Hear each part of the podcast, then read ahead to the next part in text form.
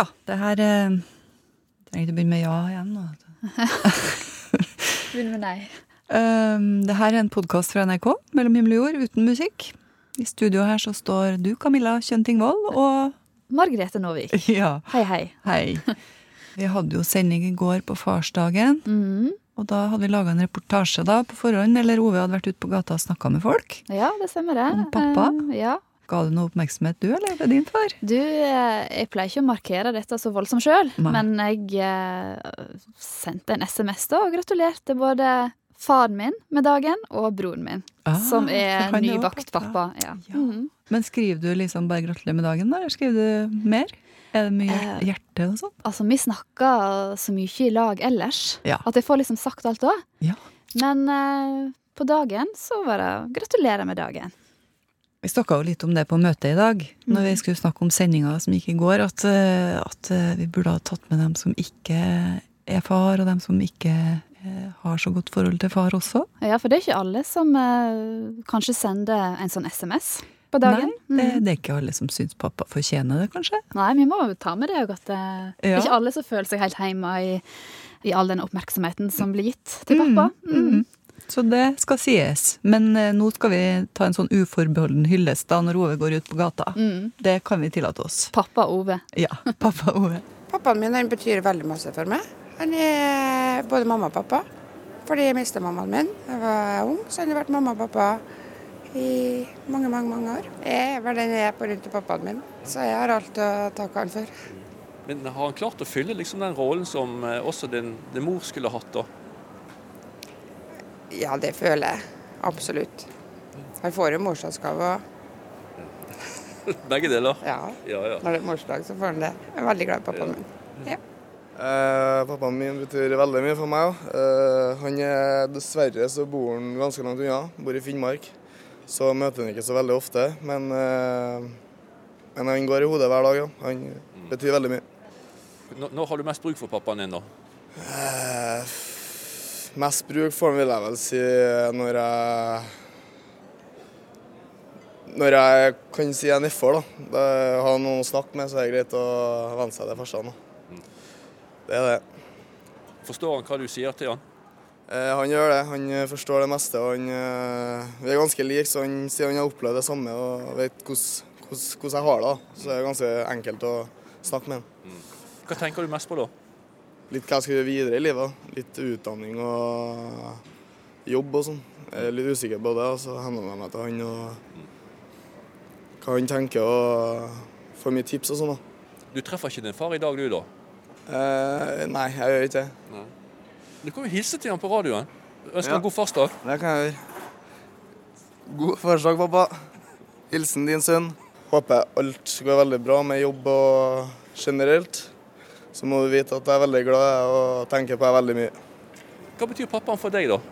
Oi, pappa betydde alt for meg. Betyr han alt? Ja, Ja. han er kjempeviktig for meg. En støtte, støttepiller i livet. Får gode råd fra han, alltid. Han er klok mann. Men det er vel alle papper. Ja, det vil jeg si. Ja, det tror jeg. Ja. Ja. Hva eh, tenker du livet hadde vært uten pappaen din, da? Och det hadde vært ensamt. Eh, Ja, Ikke alls kul, tror jeg. Savner du pappaen på en sånn farsdag, da? Får du hjemlengsel da? Ja, ekstremt mye. Ekstremt mye så jobber jeg i restaurant der vi har fars Og så ser man alle som kommer inn med pappa og så er min pappa så langt bort Hva føler du da? och saknad. Men vi tar igjen det. Ja. I jula da blir det fars hjemme. Pappa Pappajul. Nei, pappa har betydd alt for meg. Hva skal jeg si? Han har eh, sikkert nesten verdensrekord i antall mil bak et ratt for at jeg skal få, få spille fotball. og Han har fulgt meg opp hele livet, så han har jeg alt å takke for at jeg kan holde på med det jeg gjør. For de som ikke er inne i fotballgreien, hvem er det jeg snakker med nå? Ja, nå snakker vi med nummer 23 på Rosenborg, så Pål heter. Er det noen spesiell situasjon at eh, du har hatt ekstra bruk for pappaen din? Nei, generelt, altså han har jo ikke bare i fotball, han har støtta meg ellers i livet òg, men på en måte det er veldig synlig gjennom fotball. Han har vært fotballtrener sjøl, og jeg hva sa han, har kjørt etter jobb Da jeg etter skole to-tre ganger i uka for at jeg kunne fære fra Hemne til, til Trondheim og, og trene med, med Rosenborg før jeg ble gammel nok til å gå dit. Så det har hjulpet meg veldig mye. Så det, det er jo kanskje det mest synlige. Har du pappa? Nei, jeg har ikke noen pappa. Han er dessverre død. Men hvordan er det når det er farsdag, og så, og så har ikke du pappa lenger, da? Vi har egentlig ikke jeg aldri hatt noen sånn spesiell farsdag. Savner pappaen din nå? Ja, det gjør jeg. Han var en eh, fin mann. Tenker du på han ofte, eller eh, Ja, jeg tenker på han nesten hver dag. sier du det? Ja, jeg gjør det. Det er ni år siden han kom bort. Hvordan har det vært uten han, da? Det går nå egentlig greit. Man tenker ikke noe sånn, sånn på det. Det er noen gang sånn. Han kom bort i en tragisk ulykke, og da Sånn er det bare. Man får bare ta vare på de gode minnene. Hva slags ulykke var det, da, hvis du tør å spørre? Det var en trailerulykke på Vestlandet. Da mistet du pappaen din. Da mistet jeg pappaen min. Skal du feire pappaen din i dag, da? Det skal jeg. Med kake, kaffe og pakke. Og klam. Og ja, bare kose oss. Og som vi hørte, så spiller far en viktig rolle i mange mennesker sitt liv. Både som samtalepartner, og så aldri hvilende sjåfør. En som trøster, kanskje? Mm. Og det, jeg husker Ove snakka om at uh, det her er jo en dag for dem som har mista pappaen sin. Mm. Og det, jeg mista pappaen min for 20 år siden, og han snakker jeg jo med fortsatt. Ja, for hvordan er egentlig det? Du, vi feira ikke farsdagen, vi. Nei. Så jeg tenker ikke så mye på det akkurat da, men jeg snakker jo mye med han til vanlig og rådfører meg med han. Mm. Stoler veldig på han fortsatt, etter 20 år. sånn er det. Og så kan jo vi ta med en liten faktaopplysning til slutt. Eh, Opprinnelig så kommer farsdagen fra USA, eh, men han tok skikkelig av eh, hjemme etter andre verdenskrig. Mm. Og så kan jeg si at det var Ove Gundersen som var ute på gata. Eller sa du det, kanskje? Ja, Jeg sa var Ove. Ja, Ove Gundersen i hvert fall. Og så skal vi liksom snakke om det her med 90, 90 minutters ekte glede. Eller djup fortvilelse. Ja, Da er det to ganger 45 vi snakker om. Mm, eh, vi snakker om fotball, og mange vet jo hvor nervepirrende det kan være hvis, eh, hvis favorittlaget da skal ut på banen og spille en viktig kamp. Mm, og her er, kommer et morsomt eh, intervju som du har gjort, Camilla, med Ingebrigt Sten Jensen. Han ber altså til høyere makter når Stabæk er i en krevende situasjon på banen. Nei, men jeg har jo da lagt meg til en greie som jeg tror jeg har holdt på med nå i 25 år. Hver gang motstanderen får en corner, egentlig. I hvert fall på Nadderud. Da ser jeg opp på det venstre flomlyset i klokkesvingen.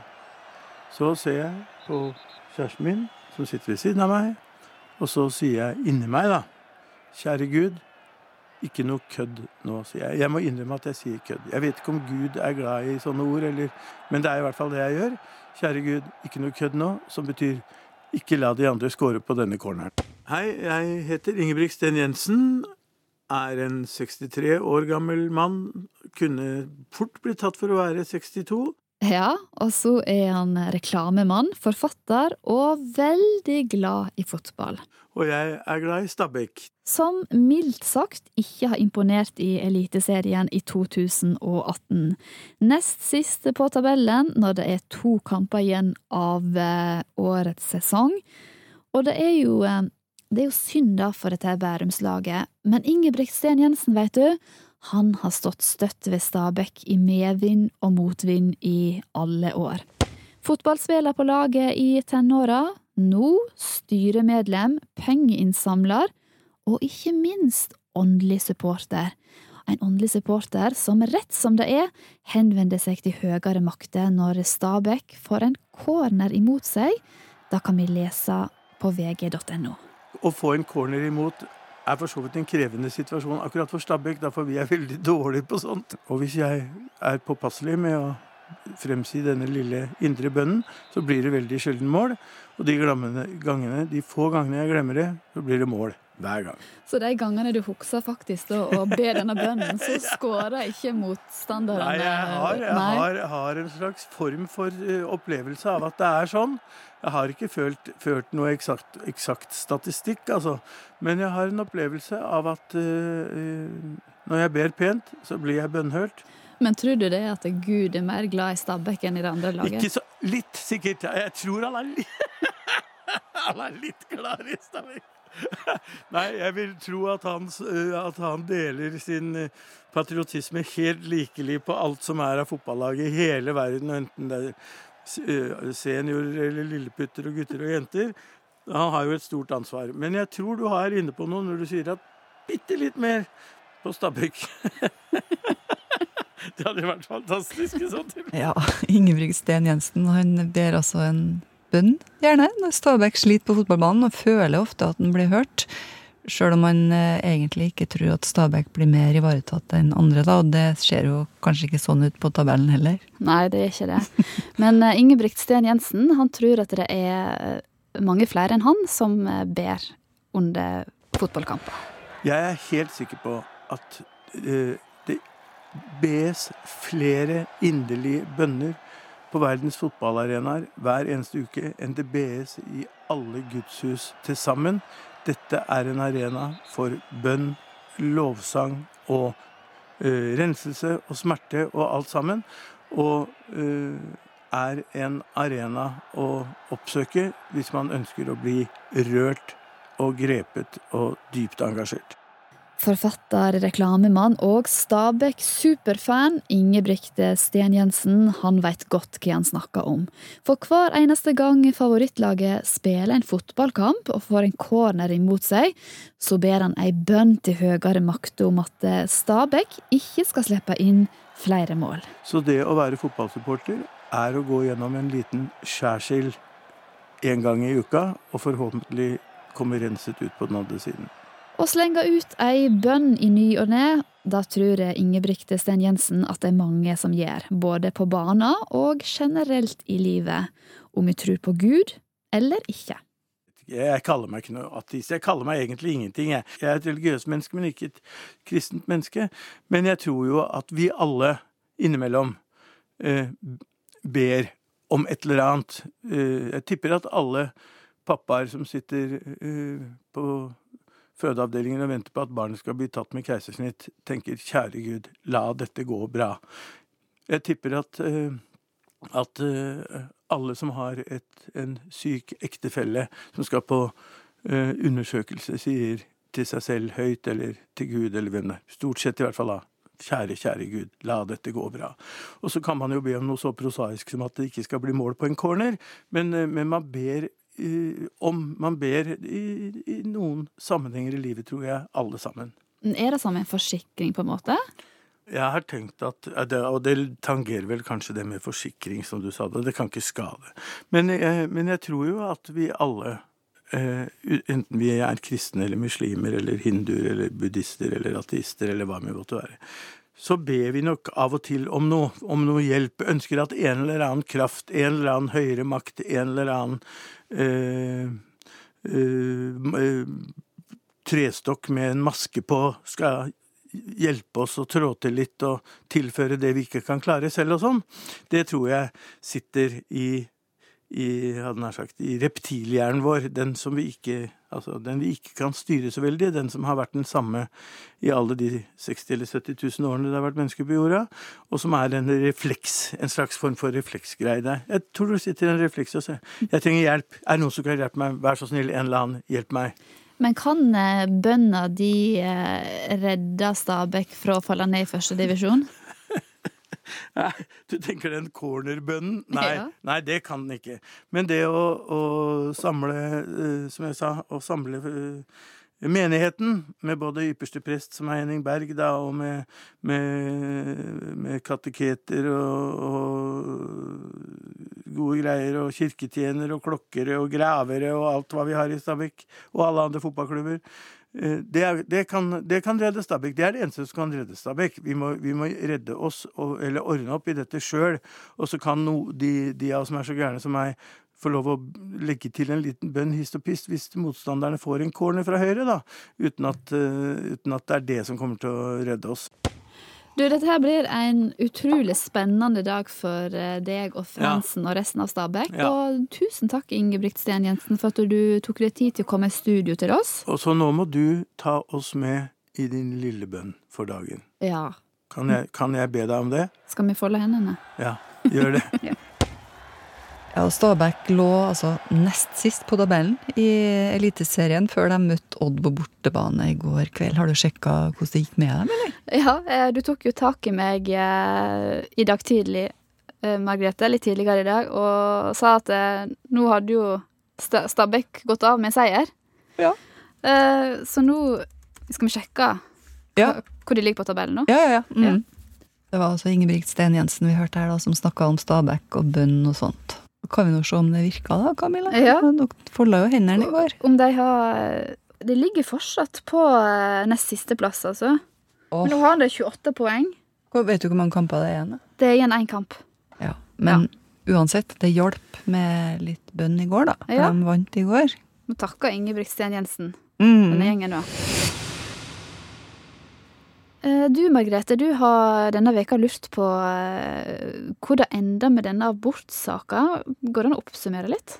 Ja, det var det jeg liksom har tatt meg mål av å gjøre den uka her, da. Fordi det har vært så mye snakk om abort, og på den ene sida så står jo dem som mener at livet ikke Altså, du kan ikke ta et liv som er påbegynt. Så på den andre sida så står dem som mener at kvinnens rettigheter står øverst, og kvinnen må bestemme sjøl uansett. Ja, og saka da er jo like viktig for de som eh, har både det ene og det andre standpunktet. Ja, det er akkurat det. Så derfor så blir jo folk litt sånn sint, og det blir litt sånn hissig debatt og polarisert. Men så så jeg her en som heter Josef eh, Barto Al-Nai, som eh, alltid skriver veldig mye på Facebook om sånne saker, og da er han alltid så nyansert, og det er så fint, så jeg hadde lyst til å snakke med han. Men jeg kan fortelle litt om Josef først, for han var jo Jeg husker ikke hva han het, men det var noe sånn Per Olsen, eller et eller annet sånt i ungdommen, og så skifta han navn til Josef Barto. Eh, og så konverterte han til islam, og så ble han ganske ekstrem, faktisk, i sine unge dager. Men så kom han jo på bedre tanker, fikk litt eh, innspill og kom på rett kurs igjen, kan du si. Og så begynte han å reise rundt og holde foredrag om hva som skjer inni en kropp når du blir ekstrem. Så han har blitt en sånn stemme som vi hører ganske ofte. Han har eh, blant annet en organisasjon som heter Just Unity, sammen med hun Faten, vet du. Faten tar valget, som ja, ja. På NRK1. Mm. Så han, eh, jeg hadde så lyst til å snakke med han, fordi at han skrev om dette med abort, at nå må vi prøve å forstå begge sidene her.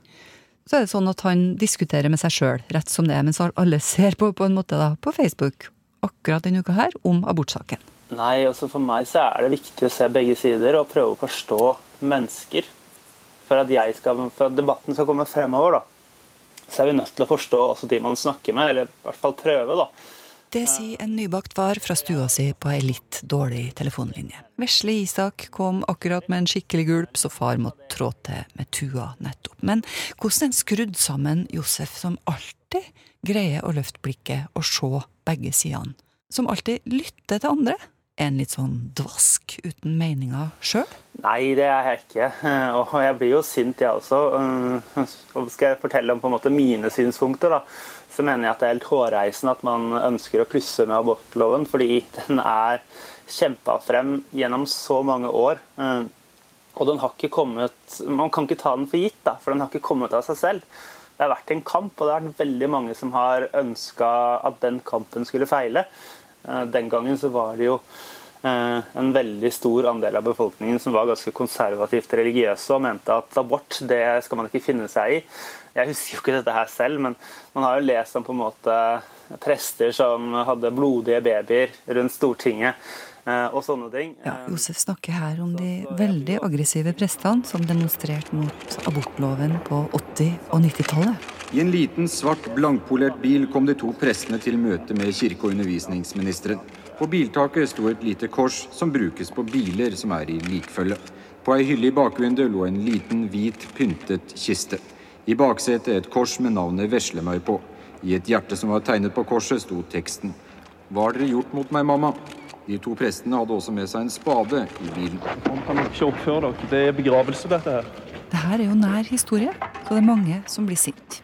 Så, så jeg blir jo ganske sint når man ønsker å klusse med abortloven. Men samtidig så mener jeg at i det sinnet da, og i den frustrasjonen, der man sier klart og tydelig fra at den retten skal være uskrenkelig, altså det skal være kvinnen selv som kan ta dette valget, så mener jeg også at det er viktig å se den andre siden. da. Han har barn i nær familie sjøl som kunne ha blitt valgt bort en gang. Han mener at vi må ta hensyn til familiene med sånne barn i debatten. og ikke tenke at svaret er gitt sånn uten videre. Og han mener at løsninga ligger i den retningen her. Eh, så mener jeg at man bør ha nok tiltro til kvinner og par eh, og fremtidige foreldre til at hvis de får nok informasjon og nok muligheter, at de får høre at vet du hva, dette barnet kommer til å være annerledes. Det kan hende man må gjøre ganske store forandringer i familien, men her har vi et eh, hjelpeapparat og vi har et apparat som skal hjelpe dere med det. Som skal avlaste dere litt på veien. Og jeg tenker at Hvis man får to det som oppleves som likeverdige valg, da, så, så tenker jeg at vi bør stole nok på kvinner og foreldre til at de kan ta det valget selv. Men samtidig så mener jeg at man kan ikke glemme de familiene da, som tross alt har hatt et veldig fint liv, og, og som føler at deres hverdag er berika av å ha et annerledes barn. Fordi denne debatten kan føles veldig diskriminerende og veldig trist, vanskelig, vond for de som på en måte har f.eks. et barn med Downs syndrom, da, og som finner utrolig mange gleder i hverdagen pga. det. Du har jo nettopp blitt far sjøl, Josef. Gratulerer med farsdagen, forresten. Jo, tusen takk. Har det endra Har du fått litt sånn sterkere følelser for dette her, tror du, gjennom å bli far? Både og. Eh, man kan jo tenke på det selv, da, om vi hadde fått den beskjeden at her er det et alvorlig sykt barn. Eh, hvordan ville man reagert? Jeg tror nok det ville vært en ganske stor diskusjon her hjemme. og Man vet jo aldri hva man ville ha, ha tenkt og gjort. Derfor så mener jeg kanskje det er viktig at man ser begge sider. da, fordi det er jo ikke noe enkelt valg. Nei, dette her da er ikke enkelt, og da syns heller ikke Josef Barto al-Nahi. Har du blitt noe klokere etter å ha tenkt på dette nesten ja. hele uka? Har du? Jeg føler meg nesten litt klokere. Det er litt dristig å si, men jeg har liksom fått en slags oppsummering inni hodet, da. For det er jo to prinsipper her som vi snakka om i stad. At, at vi ikke skal ta menneskeliv, og så er det at vi ikke skal undertrykke. Altså at kvinnen skal bestemme sjøl over sin egen kropp. Og de to prinsippene her, de går rett og slett ikke sammen. Det er uforenlig. Fordi hvis du tar abort, så tar du et liv. Hvis du bestemmer sjøl og tar abort, så tar du et liv. Så derfor så har vi på en måte kommet fram til et kompromiss Oi. Derfor så har vi på en måte kommet fram til et kompromiss i lovverket, da, tenker jeg. Og det er at den her, den prinsipp nummer én, og kvinner får bestemme sjøl, det gjelder et godt stykke ut i svangerskapet. Ikke helt enighet om hvor lenge det skal gå, men så overtar det her prinsippet om eh, at vi ikke skal ta liv etter hvert. Så da blir det litt vanskeligere å få abort. Og så tenker jeg at det Sånn må det være. Akkurat der står saken, og det må vi diskutere hele tida, for det kommer ny teknologi som gir nye muligheter til å finne ut hva, hvordan barn dette er, f.eks. Og da må vi vurdere om vi fortsatt skal tillate abort, da. Det tenker jeg. Mm, men vi er ikke helt ferdige ennå. Vi er ikke det, vet du. Neste lørdag, så er det jo, eller nå på lørdag som kommer, så er det jo demonstrasjoner over hele landet om denne abortsaken, da. Ruller videre. Ruller videre. Lenge, vil jeg tro. Mm. Eh, du var ute, du, i forrige uke, Margrethe, og du møtte mm, Ja, det var nesten et menneske. Ja, det ligna fælt, altså. Roboten Sofia? Ja. Jeg filma Sofia, da, for at dette her handler jo om framtida. Og hvem er det som er framtida? Jo, det er ungene, det. Og Lise hun stakk ut og viste fram denne videoen av den veldig virkelighetstro verdenskjente roboten. Ja, Så hva syns det framtida om framtida, på et vis? Går det an å si det? ja. Jo, hun har jo et ansikt som, skal, som er liksom modellert etter Audrey Hepburn, og så har hun faktisk 50 ulike ansiktsuttrykk hun ligner så på et menneske at prinsen i Saudi-Arabia faktisk har tilbudt Sofia statsborgerskap. ja. og, og, her, da, eh, så er det en gjeng med tolvåringer, og eh, de snakker litt rundt dette her eh, Ja, denne dama, da, når de ser videoen av Sofia. Skummelt. Uh, skummelt? Ja. Den er liksom skalla og ser ut som en veldig jålete dame, og så går du rundt i huset ditt og bare blunk, blunk. Den blunker veldig ofte. Det var sånn blunk, blunk, blunk, blunk. Og så snurrer den på hodet sitt uten noe mening. Som en sånn dokke som er der for å skremme livskiten ut av det. Hva tenker dere da, hvis, hvis her, denne personen, eller denne roboten er en del av liksom, dagliglivet når dere blir voksen?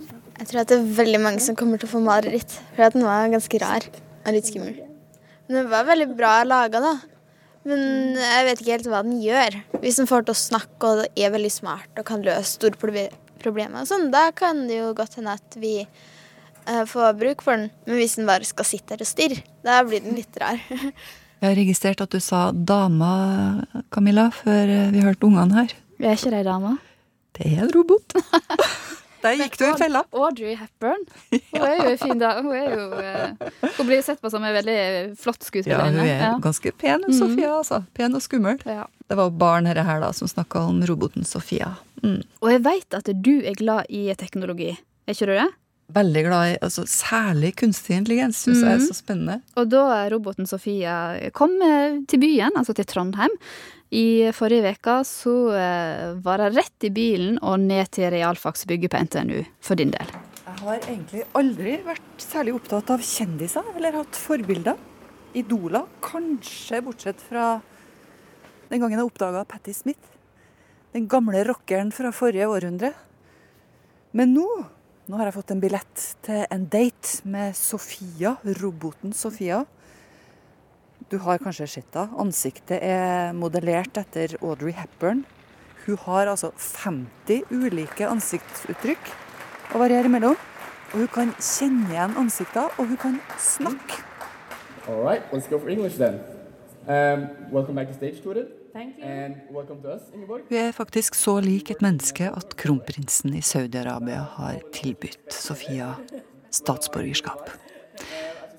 Nå tror jeg jeg forstår litt av hvordan det kjennes ut å skulle møte et eh, idol på et vis. Jeg er ganske urolig, faktisk, og jeg har noen spørsmål til henne. Jeg har øvd meg litt på engelsk, jeg er ikke så god på det. What is your biggest fear? What is your greatest På scenen står teknologidirektøren i Telenor pluss noen til. Og ved siden av dem så er det en slags boks med et svart forheng. Bak der, inni den boksen, så står Sofia the Robot. Hello, Sophia. What are you? Og foran scenen, på realfagsbygget på NTNU, så står spente studenter når konferansieren trekker forhenget til side og spør Sofia, hva er du? First of all, thanks so much for having me. I'm a social humanoid robot. Basically, I'm an evolving platform for artificial intelligence. Sofia takker pent for at du får lov å være her, og svarer at du er en kunstig intelligens som lettere kan snakke med mennesker fordi hun har et menneskeansikt. Hun kikker seg profesjonelt rundt i rommet, Sofia, for å gi alle fremmøtte litt oppmerksomhet med blikket sitt. Nei, Det er kjempespennende å se henne her i virkeligheten. Jeg har jo sett henne sånn på, på videre og sånn, og hørt mye om henne. Så det er veldig kult å se henne Det er, det er, veldig, det er veldig spesielt å se henne gjøre de ansiktsuttrykkene sånn i virkeligheten, da. Får bli med litt nærmere, da. Det er veldig, veldig spesielt. Nei, jeg syns det er rått. Det er utrolig kult. Er det litt sånn kjendisfaktor? Er i hvert fall i det tekniske miljøet. Ja. Utvilsomt. Det er første gang i Skandinavia. Så ja, uten tvil. So, Sophia, how do you feel about your own capabilities? Konferansieren spør hva hun føler om sine egne muligheter, I could talk about this forever. Og Sofia er ikke sjenert. Holder ingenting tilbake. I think I will soon be a really useful middle ground in helping humanity to solve large scale problems. Hun vil at verden skal bli et bedre sted, og ser ikke bort fra at hvis menneskene samarbeider med kunstig intelligens, så vil vi kunne ta store utfordringer på strak arm. Men folket i salen syns egentlig det er litt creepy. Litt Westworld. Ja, det er en ny følelse. Det er litt Ja. som å jeg tenker ikke det, la oss sykle på nett. Men det blir, blir nok mer vant til det etter hvert, da. Men eh, Bare kikka deg rett i øya. nei, ikke ennå, heldigvis. Uh, jeg syns det er ganske stilig. Hun viser uh, cirka alle følelsene hele tiden. Hun, eh, jeg skulle gjerne likt å ha sett bak og sett uh, nærmere på For det er gjennomsiktig, så man kan se maskinen inni. Ja, du ser liksom at det blinker baki her sånn. Mm. Det har vært interessant. Hva syns dere om at For at du har jo faktisk litt sånn urein hud og litt sånn eh, store porer og fregner og sånn. Ja. Har du det? Ja, jeg så det lite grann. Det får henne til å se mer realistisk ut, syns jeg. At hun har litt, uh, litt rynker rundt munnen og forskjellig sånn. Etter denne seansen så er det mange som vil ta selfie med Sofia. jeg trekker teknologidirektøren i Telenor til side mens jeg venter på å få stille spørsmål til roboten og spør hva syns hun? Det er en, en beveger ansiktet på en menneskelig måte. Men samtidig så er det noe med blikket. sant? Og det er noe som gjør at det, det er faktisk en følelse av alien. altså det her er noe som kommer fra det ytre rom. Så jeg, I dag har jeg faktisk vært, hatt en liten tur inn i en science fiction-film ja. for meg sjøl. Altså det som er spesielt i radioen, er jo at den, det er et levende kvinneansikt som beveger seg på en, på en realistisk måte. Og så er baksida av hodet en stor maskin. Du ser at det går rundt, faktisk. Altså, sånn, og det blinker? Det blinker, og du ser at det, er, at det foregår ting inni der, samtidig som ansiktet beveger seg. Så for meg så var jeg plutselig litt i en science fiction-film. Uh, og det er jo litt kult at 2018 liksom fremtiden er her.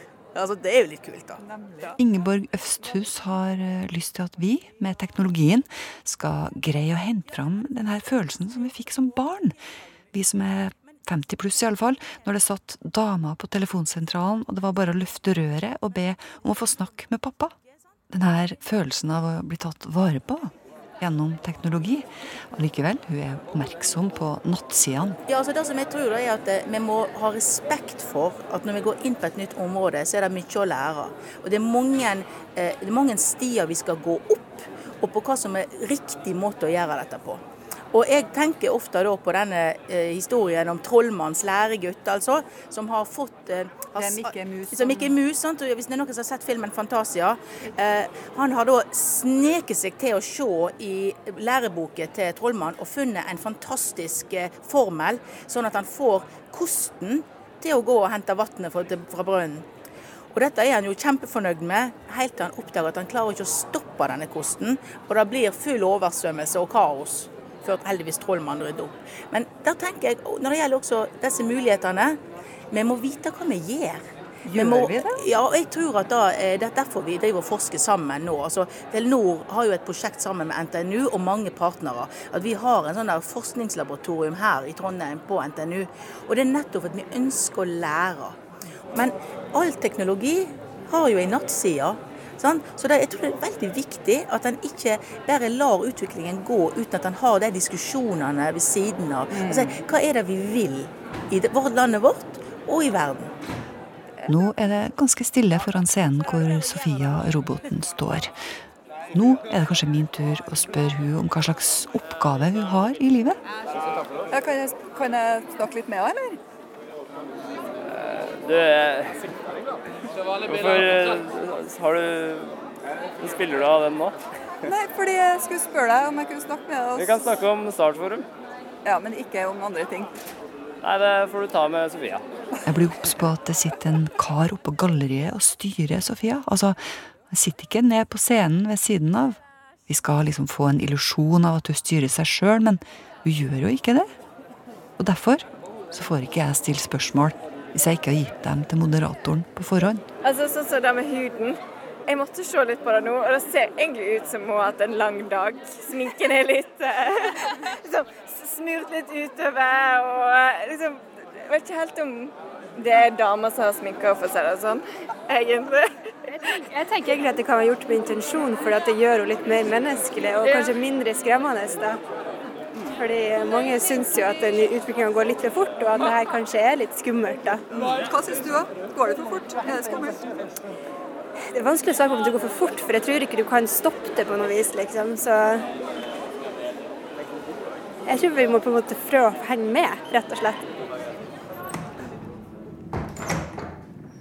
Snakk om stjerner som falt. Det her var tidenes skuffelse, altså. Sofia hun er jo ikke smart. Sofia er en reklamejippo for et uh, teknologiselskap i Hongkong. Takker meg til den gamle helten min, Patti Smith. Fullt i stand til å svare på strak arm, uten moderator, på spørsmålene jeg har øvd på. What is your greatest fear? What is your biggest pleasure? What is your dream for the future?